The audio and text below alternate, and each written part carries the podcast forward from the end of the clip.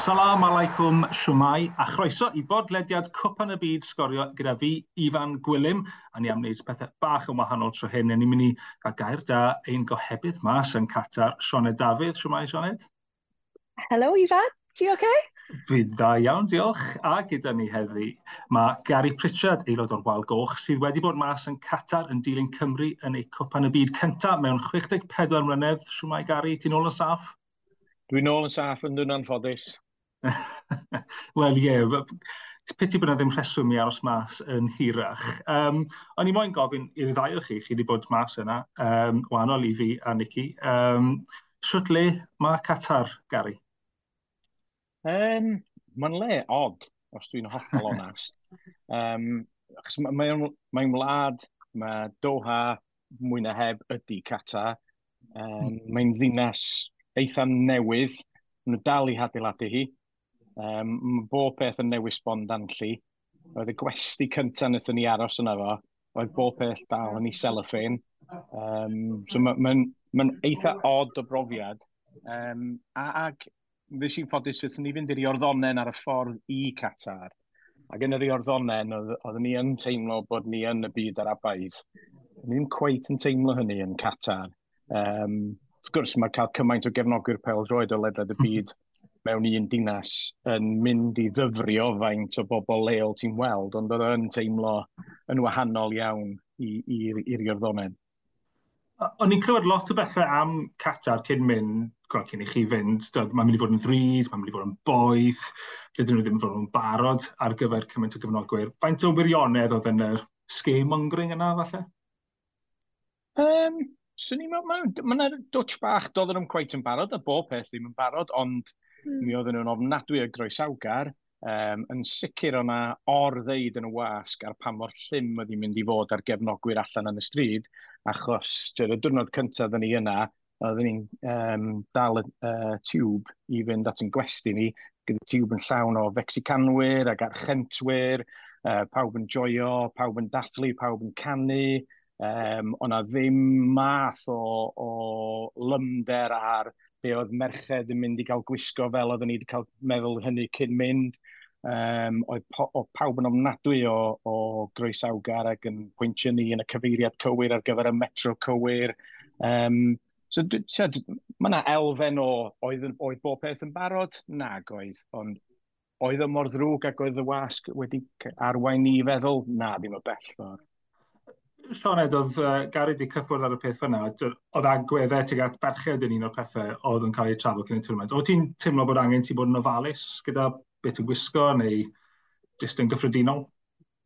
Wel, unrhyw un sy'n gweithio yn swyddfa sgorio yng Nghyrdydd, fe nhw'n ymwybodol iawn, jyst pa mor stressed o'n ni o flan llaw o ran gwybod beth i wisgo o ran merched, achos o ti'n dyrllen cymaint o bethau gwahanol, o ran beth oedd yn derbyniol, beth oedd ddim yn derbyniol.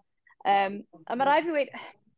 Dim bod nhw wedi bod yn eitha relaxed, fi'n credu yn bersonol byddwn ni ddim yn tymlo'n gyffwrddus yn cerdded rown mewn miniskirt. Um, fi'n credu mae yna elfen o fod yn barchus, ond mae rai fi wedi am profiad fel menyw, a fi'n aml yn mynd i weld gemau pildrod, weithiau ar ben yn unan, ar draws Ewrop ac ati, fi wedi tymlo'n ddiogel iawn mas me. Oce, okay, fi wedi bod yn gweithio mas me, ond hefyd fi wedi bod yn ffodus iawn, fi wedi gallu mynd i weld ambell i gêm arall, a fi wedi bod yn mynd ar y metro ar ben yn unan. Gadael y stadio yma, un o gloch y bore ar ben yn unan, a sdim un adeg ble fi wedi tymlo fel, mm, sa'n tymlo'n saff iawn yma. Um, a fi'n credu, fi bendant yn credu bod y diffyg alcohol wedi helpu hwnna. Um, sa'n gweud ta hwnna yw'r yw, yw unig reswm, achos, ie, yeah, sa'n credu bod alcohol yn esgus i bobl canfiafio, mae hwnna'n sgwrs arall, ond mae rai fi weid, o ran safbwynt bod yn fenyw yn Qatar, o ran be o'n i'n darllen cyn ni, um, fel wedodd Gary, fi'n credu o bosib bod na bach o cyfryngau bod bach yn ordramatig cyn, achos mae ma fe wedi bod yn brofiad positif iawn. Fel wedodd Gary, mae fe'n leod, mae fe'n teimlo bach fel Legoland. Mae yna dimlad Felly bod ffug yn air dwi cryf, ond strym lot o enaid i'r lle, fel wedi'r Gary, mae popeth yn newydd sbon. Um, ond dyw e ddim wedi bod mor wael a beth o'n i'n meddwl bydde fe. Ond dwi'n meddwl bod ffug yn air rhy gri. Oedden ni'n aros yn yr e, diwrnodiau ola i fyny yn ardal y Pearl, sydd yn fan sydd wedi'i greu yn hollol allan o ddim byd. Um, mm. Oedd oedd yn tu ni uwch ben garage Ferrari, dros ffordd i garage Rolls-Royce a rownd y gornol o garage Maserati, ond nid yn unig oedd y garage Maserati rownd y ffordd, oedd y garage Maserati yn arnofio yn y dŵr, achos pam ddim, achos os oes gen ti ddigon o arian i gael y garage i'n arnofio yn y dŵr, pam ddim. Ond mi oedd yr ardal yna hefyd fel Venice bychan, oedd nhw wedi adeiladu Venice yn mm. Qatar. Pam? Achos maen nhw'n gallu. Mae yn le ffug, Mae'n mae le hollol ffug, mm. mae'n mm. mae le odd iawn, iawn. Fi'n credu un o'r um, pethau sydd wedi craco fi lan fwyau, fi'n siŵr bod pawb yn ôl gatre, os o'ch chi ddim yn Qatar, wedi gweld y lluniau o'r skyline ar draws y cornish ar draws y bai. Maen nhw tu ôl fi fan hyn. Um, yn ôl pob sôn, mae hanner o'r adeiladau yn wag. Sdim byd na. O'n nhw jyst moyn rhyw hmm. fath o skyline fel Efrog Newydd, fel Dubai, a nhw, fel wedodd Gary, o'n nhw'n, oedd yr arian dyn nhw, nhw'n meddwl, pam lai? If we want it, we'll build it, we'll have it. Wow. O, o ran y tournament i hunan, a ffordd mae'n cael ei trefnu a popeth, Gary, ti wedi bod yn gwylio cwpanau byd o'r blaen, sydd mae'n cymharu cael un mewn un dinas? Ie, yeah, hwn ydy pedwerydd cwpan y byd iddi fi ymweld ag o. Um, cynta tu allan i Ewrop, fi sy'n yr Eidal yn 1990, Ffranc 98 a'r Almain yn 2006. Um, Felly, yn pob tournament wedi bod iddo fo blaen, ti'n ymgartrefu mewn dinas a mae gen ti set o gefnogwyr yn dod i fewn am ryw ddwrnod ddau neu dri o gwmpas pob gêm. So pan fyddwn ni'n yr Almain er enghraifft, oedden ni wedi ymgartrefu yn Dortmund, felly oedd gen ti gefnogwyr Serbia, Mexico yn cyrraedd a wedyn yn gadael cefnogwyr Swistir a Brazil yn dod i fewn ar ei holo nhw ac yn y blaen ac yn y blaen. So, oedd cael pob set o gefnogwyr mewn un dinas just yn creu sefyllfa hollol afreol. Dim ots lle oeddech chi'n mynd a dim ots pa gornol oeddech chi'n droi. Oeddech chi'n gweld criw anferth o archentwyr neu Mexicanwyr neu Ecuadoriaid Um, a hefyd, oedden nhw'n mynd a dod fel oedd y tournament yn mynd hefyd. Yn y gwesti cyntaf, oedden ni'n aros yna, oedden ni gyrraedd ar bora y gêm agoriadol, ac oedd y gwesti'n gwestyn llawn o Ecuadoriaid. A wedyn, fi nath nhw adal, a diwrnod wedyn, mi nath na llwyth o Brasiliaid gyrraedd. A... wedyn, oedd chdi'n gweld pob, pob gwlad, um, ond wrth gwrs, oherwydd lle oedd o, oherwydd uh, y problemau yn cata, oherwydd rheswm am moesol, oedd lot o gefnogwyr wedi penderfynu peidio mynd yn o lot llai o gefnogwyr Ewropeaidd um, na, na fyswn ni wedi mm. ddisgwyl gweld mewn unrhyw dwrnament arall. Yna pryn dim o gefnogwyr uh, Denmark yna.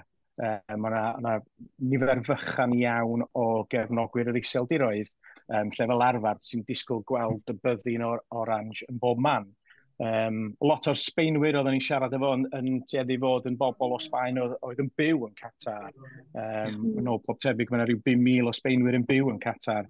Felly, dyna'r un gwahaniaeth mwyaf sy'n tybio, ond a, a dwi'n gwybod mae yna feirniadaeth wedi bod yn y wasg bod gen ti gefnogwyr o dramor yn cefnogi'r gwahanol dima, ond wnaethon ni bympio fewn i griw o, o India, o, oedd yn cefnogi Lloegr, a oedden nhw'n gwybod bob dim oedden nhw'n gallu rhestru bob peth am yr uwch gyngrair yn Lloegr. Oedden nhw yn gefnogwyr pel droed, ac oedden nhw yn cefnogi Lloegr, oedden nhw jyst yn dod o India. A, a beth sy'n bod efo hynny? Ie, yeah, mae'r ma, ma, ma popeth yn mynd ffordd na, really. Pan ti'n edrych ar Twitter yn ywedig, mae gymaint o'r um, cyfrifo yma sydd yn dilyn chwaraewr neu rhywbeth. Does dim gyda nhw yr er mm. cysylltiad yna gyda gwlad eu hunain, falle achos bod eu gwlad nhw ddim gyda tîm sydd yn un ei rannu. So maen nhw jyst yn mabwysiad i gwlad na gyno y rhyfedd fel yna. Hei, wnaethon ni dreulio prawn uh, ar y cor nis efo cefnogwyr Ariannu'n yn canu Clodydd Diego Maradona, so ti'n gwybod, pam lai. pam lai, ie.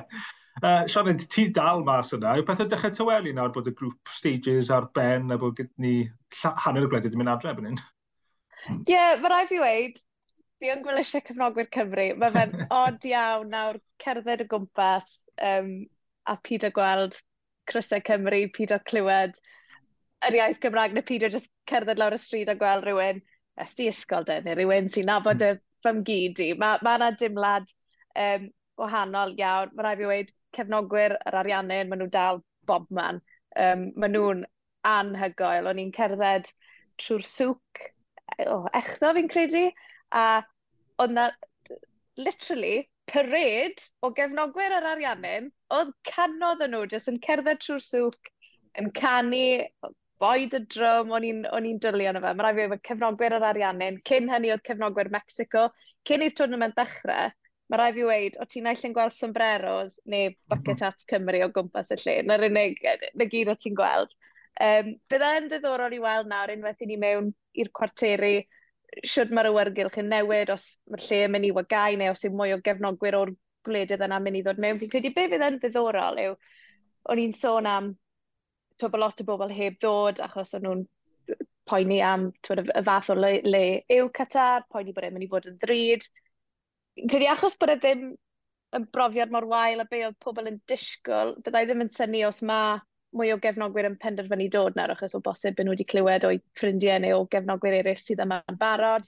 Um, ond ie, yeah, hwn yw'n brofiad cynta i o fod um, yng Nghwpan y Byd, a fi'n ffodus iawn bod fi'n mynd i fod yma tan y diwedd. Felly ie, yeah, byddai'n ddiddorol i weld siw mae'r awyrgylch yn newid, um, yw Doha mynd i dywelu neu yw e jyst mynd i fod yn fwy bonkers. Fi'n sicr yn gallu gweld y deall y ddadl bod e'n gallu bod yn ffordd cynaladwy o gynnal tournament mewn un dinas, a y benefit yna bod ti'n gweld y holl gefnogwyr o bob glad yn yr un mm. lle. Oedd e'n um, yeah, e, e'n gweithio mewn un dinas o ran yr isadeiledd a'r trefnidiaeth o popeth? Mae rai fi wedi, mae'r trefnidiaeth, unrhyw un sydd bod mas yma, fi'n siŵr bod pawb jyst yn dwylio ar y metro. Y metro, wir i chi, siŵr o fod un o'r pethau gorau, os nad yw'r peth gorau o ran Doha, achos mae fe jyst i fod yn ffab, o darn really nice, um, yn y Guardian heddi gan Sid Lowe, a dde jyst yn gweud, met, mae'r metro di troi mewn i hub y cefnogwyr, achos i chi gyd na, ar y trenau mewn, chi'n gweld pawb o bob math o wledydd, o bob man, a um, mae'r chant metro this way sy'n just i cyfle dros y lle. Felly mae fe bach yn od, bydde ti ddim yn disgwyl i'r underground yn Llyndar, er engra er enghraifft, troi mewn i rhyw fath o hwb o ble mae'r cefnogwyr i gyd yn um, enjoyo mynd. Os mae fe mewn i'n gwlad, fi'n eitha licor syniad bod ti'n gweld y wlad a bod ti yn cael teithio i wahanol ardaloedd. Y doha'r fath o le, unwaith i ti weld y conish, unwaith i ti weld y sŵc, unwaith ti wedi gweld unwaith, dim rili really eisiau ti fynd ôl na eto. Um, felly, twyd, ie, o bosib mae fe'n gallu bod bach yn boring yn y sens hynny, ond um, eto, gallu mynd i weld mwy na un gêm mewn diwrnod, bod hwnna wedi bod yn brofiad really cool achos bod y trefnidiaeth mor gret, mae hwnna yn sicr wedi bod yn bosib. Um, felly, ie, yeah, mae ma fi wedi gweithio. Fi'n credu allan all Qatar droi rownd a gweud o ran yr logistics y peth bod e wedi bod yn, yn dwrnament llwyddiannus. Dwi'n meddwl, dwi'n meddwl mae'n gweithio'n Qatar. Ie, yeah. bydde fe ddim yn gweithio bob man, ie. Yeah. Na, achos y gwirionedd ydy, maen nhw wedi adeiladu'r metro yn arbennig, um, maen nhw wedi adeiladu'r stadiwm yma yn arbennig. Er, yr un peth oedd yng Nghali, os ti'n mynd i adeiladu stadiwm yma ac adeiladu metro yn arbennig ar gyfer cwpan y byd, pam goblin wyt ti'n adeiladu dau o'r stadiwm yma mor bell o'r flipping metro? Oh, ond, ie, yeah. yeah rant arall yn hwnna. um, ond ie, yeah, mae'n ma, ma, ma gweithio'n catar achos Mae'r wlad yn wlad eithriadol y gyfoethog. Maen nhw wedi gallu taflu lot fawr o arian tuag at adeiladu'r is-adeiledd. Da ni gyd yn gwybod amdan yr, er, yr, er problemau a'r honiadau yn, yn erbyn hawliau dynol sydd wedi digwydd wrth adeiladu y ddinas a paratoi y ddinas ar gyfer cwpan y byd. Dwi ddim yn credu bys efo'n gweithio yn unrhyw le arall. Um, mm. Dwi'n meddwl bod mae'n gwpan y byd unigryw yn hynny o beth.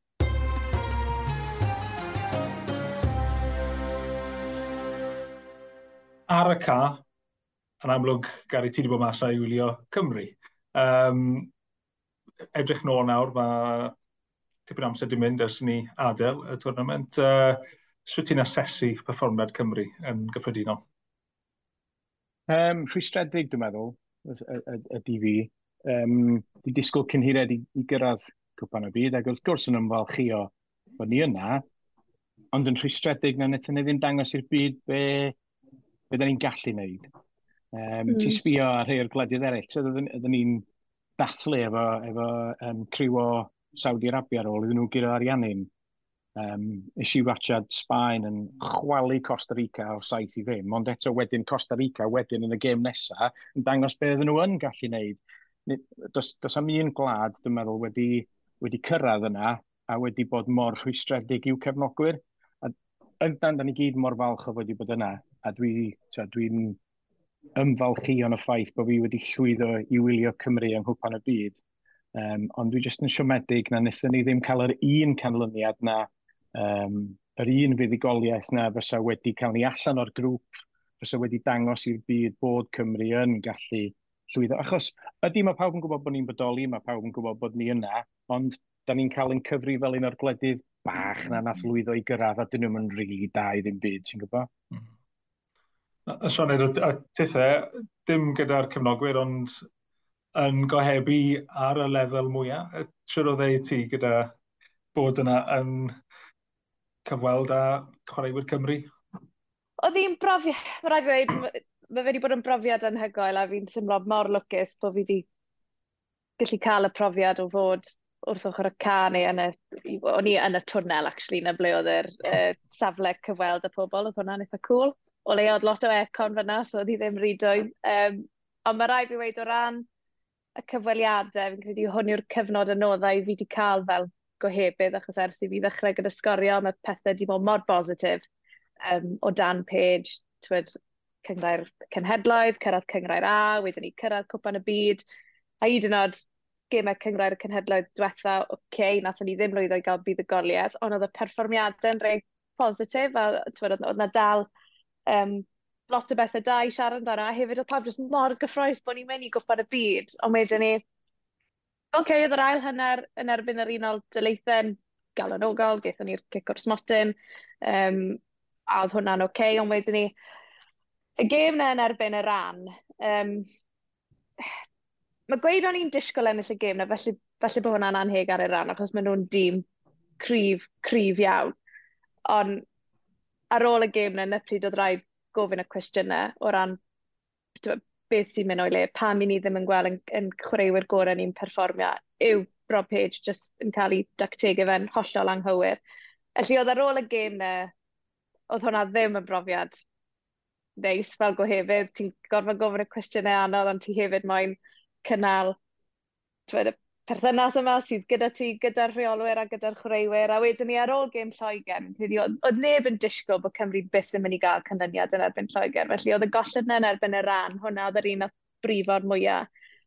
A wedyn ni ar ôl gêm Lloegr, oedd e, e ddim yn tymlo fel yr amser cyfleus i just fynd mewn a hamro nhw, really, achos o ti'n gallu gweld oedd Rob Page yn siomedig yn ei hunan, oedd y chwaraewyr yn siomedig yn ei hunan Um, a fel wedodd Gary, yr un peth o'n nhw'n cadw gweud oedd bod nhw ddim wedi gallu dyngos y byd be ni'n gallu wneud ar y ca. Oce, okay, mae pethau oedd i ar y ca wedi bod yn gret. Mae'r gymdeithas wedi gwneud lot o bethau lyflu o ran hyrwyddo'r iaith, hyrwyddo ni fel gwlad, ond ar ddiwedd y dydd, yr un o beth sy'n bwysig yw beth sy'n digwydd ar y ca. Fi'n credu nath Cymru yn bendant tan gyflawni.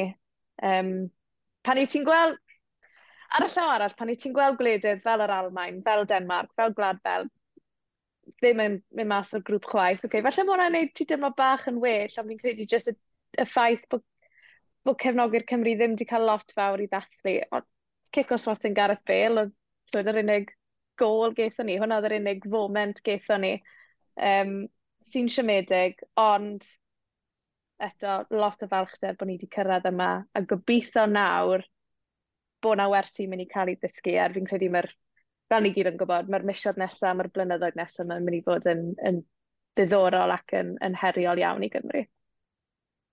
Yeah, di ti'n sôn amdan gwlad Belg yn mynd allan, yr Almain yn mynd allan, do'n, oedden nhw'n agosach ati yn dweud. Denmark, mm. mae'n siŵr ydy'r unig gwlad Ewropeaidd sydd wedi gwneud yn waith na ni. A mae yeah. bosib wedi mynd i mewn i'r tournament efo disgwyliadau uwch na ni. Um, mm. Ond ie, yeah, dwi'n dwi meddwl, y gêm yn ebyn yr... A dwi'n dwi meddwl bod o yn, yn ormod i ddeud na honno y gêm oedd ni'n disgwyl ennill. Achos os dwi'n onest, dwi'n meddwl, cyn y tournament, o'n i'n disgwyl i ni ennill un colli yn y cael un gêm gyfartal, a dwi'n credu mai mm. y gêm yn erbyn Lloegr oedden ni'n mynd i golli, ac o'n i yn meddwl fyddwn ni yn curo ei ran.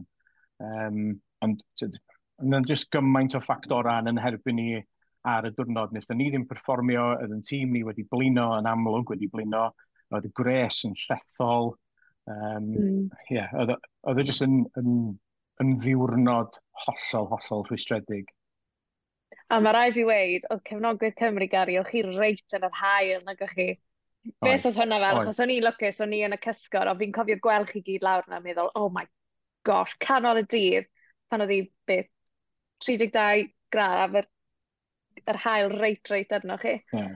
Wel, ddim 32-33 grad, a nath yn ffôn i stopio weithio oherwydd bod y ffôn yn dweud bod ti'n rhy boeth. Mm. Um, ac oedd y ffôn i yn ymhocad i, dyna pam mor boeth oedd hi. Ac oedd ni, fel ti'n dweud, oedd ni yn llygad yr hael, ac oedd y cysgod ddim yn cyrraedd ni tan y chwiban ola. Um, oedd hi'n ofnadwy. A, a sy'n rhoi syniad i ti o pa mor boeth oedd hi lawr ar y cae? Um, mm. A, a ti'n deall hynny, ti'n deall bod, ti, bod yr amgylchiadau lawr ar y cae yn ofnadwy o heriol, ond oedd rhyw fath i'r ddau dîm yn dweud? Oedd y ffaith bod ni'n chwarae yn ebyn i'r rhan, o'n nhw'n fwy cyfarwydd gyda'r amgylchiadau yna? O bosib, ond dwi'n meddwl a, a, ar y cyfan, oherwydd beth sy'n digwydd oddi ar y cae hefyd um, efo tîm Iran, o, dwi'n meddwl oedd hynny wedi rhoi hwb anferthol iddyn nhw. Oedden ni'n siarad efo mm. cefnogwyr mm. Iran, um, cyn ag ar ôl y gêm ar y tiwb ar y ffordd yna ag, ag wrth cywio i drio gael allan o'r stadiwm ar y diwedd. Um, a lot fawr ohonyn nhw yn, um, yn Iraniaid sydd ddim yn byw yn Iran ag, ag i gyd yn, yn gefnogol o uh, yr ymgyrch yn erbyn y Llywodraeth. A, a dwi'n meddwl oedd hwnna wedi chwarae rhan mawr uh, ym penderfyniad y chwaraewyr. Um, wrth gwrs, oedden nhw wedi gwrthod canu'r anthem yn, uh, yn y gêm agoriadol. A wedyn yn yr ail gem, gathen nhw ddechrau y bwio i anthem eu hunan, oedd yn rhoi ni mewn lle ofnadwy y gas, achos oedden ni'n siŵr iawn beth ni fod i wneud. Um, ddechrau nhw bwio i anthem eu hunan, ond y bobl yn y dorf yn, yn crio, um, mm. ac oedd o, just, oedd o wedi rhoi rhyw fath o impetus iddyn nhw. Ond wedi deud hynny, oedd, da ni'n sôn am be, deg munud amser ychwanegol ar y diwedd cyn fod wedi sgorio i goliau nhw, ond nhw oedd yn edrych wastad fel y tîm oedd oedd yn awch i mwy nag oedden ni. A mae rhaid i ddweud yn y gêm na, oedd cefnogwyr y ran yn anhygo, oedd y sŵn yna, oedd lot fwy o nhw i fod yn deg i gymaru â cefnogwyr Cymru, ond oedd yr awyrgylch just, mae rhaid i ddweud yn drydanol, a fel wedodd Gary, oce, okay, dwy gol hwyr yn y gêm, ond trwy gydol y gêm, oedd e dim yn edrych fel, saw un tîm oedd e ddim yn ei ennill y gêm yna, a y ran oedd hwnna. A, a ti'n gwybod be hefyd, sôn, sôn am gefnogwyr, um, tiod, yr ystrydeb yma mae cefnogwyr Cymru ydy cefnogwyr gorau yn y byd. Mam bach. Nethon ni fynd i watcha Tunisia yn dyn Denmark. Oedd cefnogwyr Tunisia yn wallgo. Oedden nhw'n yeah. anhygoel. Oedd cefnogwyr Iran yn arbennig. Ti'n sôn am, am gefnogwyr holl o wahanol i gefnogwyr Ewropeaidd. Mm. Da ni'n wedi gweld i tebyg nhw a oedd o'n brofiad bod yn ei misg nhw, ac mae'n neud i chdi sylweddoli bod amball i gorws o yma o hyd a, a, a amba, amball i glapio gwir harles. diolch yn cyfri fel bod y cefnogwyr gorau yn y byd. Mae rhaid fi'n rili really falch bod ti wedi gweud hwnna, achos o'n i mor, mor lwcus. Ges i docyn i fynd i weld Mexico yn erbyn yr Ariannin um, yn stadiwm Blue Sail, sy'n just yn, mae'r stadiwm yna yn arbennig. Um, o'n i reit yng nghanol cefnogwyr yr Ariannin, A heb os, un o'r profiadau gorau fi erioed wedi cael, nid jyst o ran gwylio Pêl Drod, oedd y bobl yn anhygoel, oedd y cefnogwyr eto, fel menyw ifanc, o'n i byth yn teimlo fel bod fi mewn unrhyw sefyllfa ble o'n i ddim yn teimlo'n ddiogel, oedd pawb yn gret. A oedd fel awr a hynny'r i fynd tan y gig gynta, a oedd y lle'n bownsan, oedd y stands yn llawn. A fi'n cofio gadael y gêm yna, jyst meddwl, oce, okay, dwlu ar y wal goch, fel cefnogwyr Cymru yn gret, ond boes bach, sori, oedd wal gwyn a glas ar ariannin, just di mynd ar holl beth i lefel hollol newydd, oedd hi'n anhygol. Yn gêm Sbaen yn erbyn Costa Rica, o'na fwy o gefnogwyr Mexico na nag o'na gefnogwyr Sbaer a cefnogwyr Costa Rica. Oedden ni'n ganol y Ticos, ac oedden nhw'n digon o sŵn, ond bob hyn a hyn oedd y dorf yn mynd yn ddistaw, ac yr unig beth o'ch ti'n gallu gweld oedd yr, yr wal werdd yma yn canu Mexico, Mexico. Oedd yn nuts. Uh, Fi'n cymryd, wel, Sean, uchafbwynt ti yn amlwg yw'r uh, gêm ariannu'n yna. Os, beth oedd yr uchafbwynt i ti tra bod ti mas na, Gary? Um, dwi'n meddwl, oedd yr ansem yn erbyn America. Oedd ddim ar yr un un lefel ar ansem yn bod o, ond oedd yn un eitha special, achos mm. mae o tro gyntaf erioed i hen wlad fy nhadda gael ei chlywed yng nghwpan y byd, wrth gwrs. Um, achos nath nhw'n chwarae fo'n 58 yna ddo. Um, Ond dwi'n meddwl oedd e jyst y profiad o fod yng nghwpan y byd, y profiad o, o fod yn ceredd y gwmpas y ddinas a, a jyst bod yng nghanol cefnogwyr Brazil, Ariannin, cefnogwyr Lloegr hyd yn oed, a bod ar yr un un lefel â nhw. So, dwi wedi bod i cwpan y byd o blaen fel cefnogwr Cymru, ond i Cymru heb fod yna. Oedd cael bod yna a bod ar yr un un lefel â'r cefnogwyr yma, jyst yn, yeah, yn, yn brofiad gwych. Right, ni hanner ffordd trwy'r ail rownd fel ni'n recordo hwn, felly yna i ofyn i'r ddau o'n chi, pwy sy'n am ennill Cwpan y Byd ar y deunawfed o ragfyr, a mi wna i ddechrau gyda Gary, achos mae Sean yn edrych yn oh. distressed yn cwestiwn. Dys achos fi'n newid y meddwl i pob dydd. um, dwi ddim yn meddwl bod Lloegr wedi cael ei profi eto, a mae hynny'n cynnwys gan ni yn amlwg Um, a dwi'n meddwl maen nhw'n mynd i ffeindio hi'n anodd iawn yn ebyn Ffrainc. Um, dwi'n mynd siŵr amdano yr iseldiroedd. Dwi'n meddwl mae'r iseldiroedd yn gorfod dod i fyny'n erbyn ariannin. Um, a bod yn hollol onest, dwi'n meddwl bod i'n un o'r ffefrau yna wedi cael ei profi eto. Felly, dwi'n meddwl all fynd unrhyw ffordd. Os di Sbaen yn chwarae mm. fath yn eithon nhw'n ebyn Costa Rica, dos, dos a anefyw cyffordd nhw, achos do, nath nhw chwalu Costa Rica saith gol i ddim, ond doedd Costa Rica ddim mor wael a hynny. Felly, mm. mae yna lot o dim da yna, a dwi'n meddwl fyna sawl uh, tro yn y gwmffon cyn y rown derfynol, a dwi wedi llwyddo i osgoi ateb y cwestiwn. O'n i'n mynd i weid, it's their fence fel yn llwyr.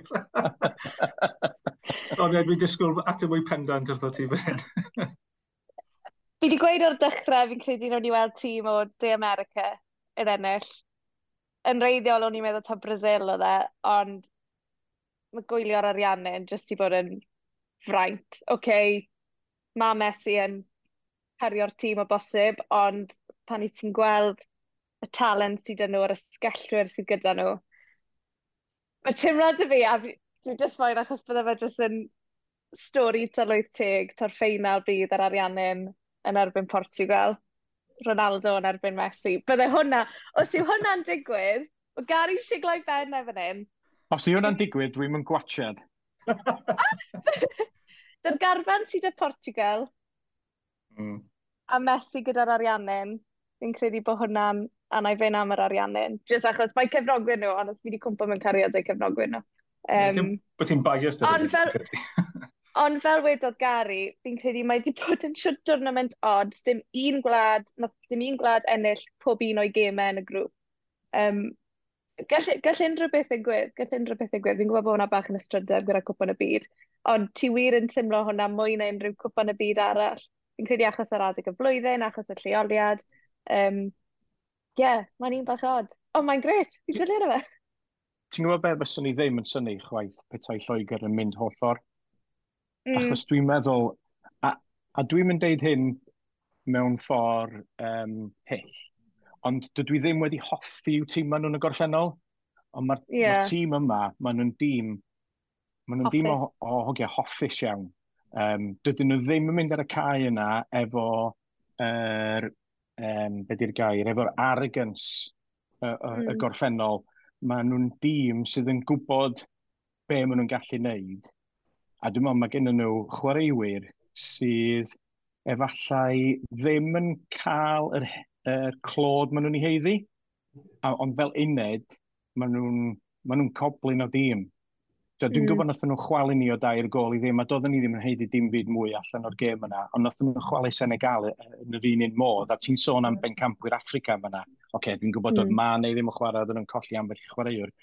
Ond, tyd, mae gen nhw chwarae, Phil Foden sydd yn, yn chwaraewr penny gamp, a dydy o'n sicr o'i le yn y tîm yna. Mm. Felly, peidiwch, peidiwch y ei Lloegr. Ac, ac am, un, am unwaith, dydw i'n meddwl y byswn ni yn, yn, yn malio petawn nhw ennill, achos maen nhw'n dîm sy'n heddi. Diolch Gary, diolch Sionet am ymuno gyda fi heddi. Mae'r ail rownd yn mynd yn ei flaen ar hyn o bryd. Fyddwn ni nôl bore dydd iau i edrych nôl dros y gemau i gyd ac i edrych mlaen at rownd yr wyth ola. Ond tan hynna, wada!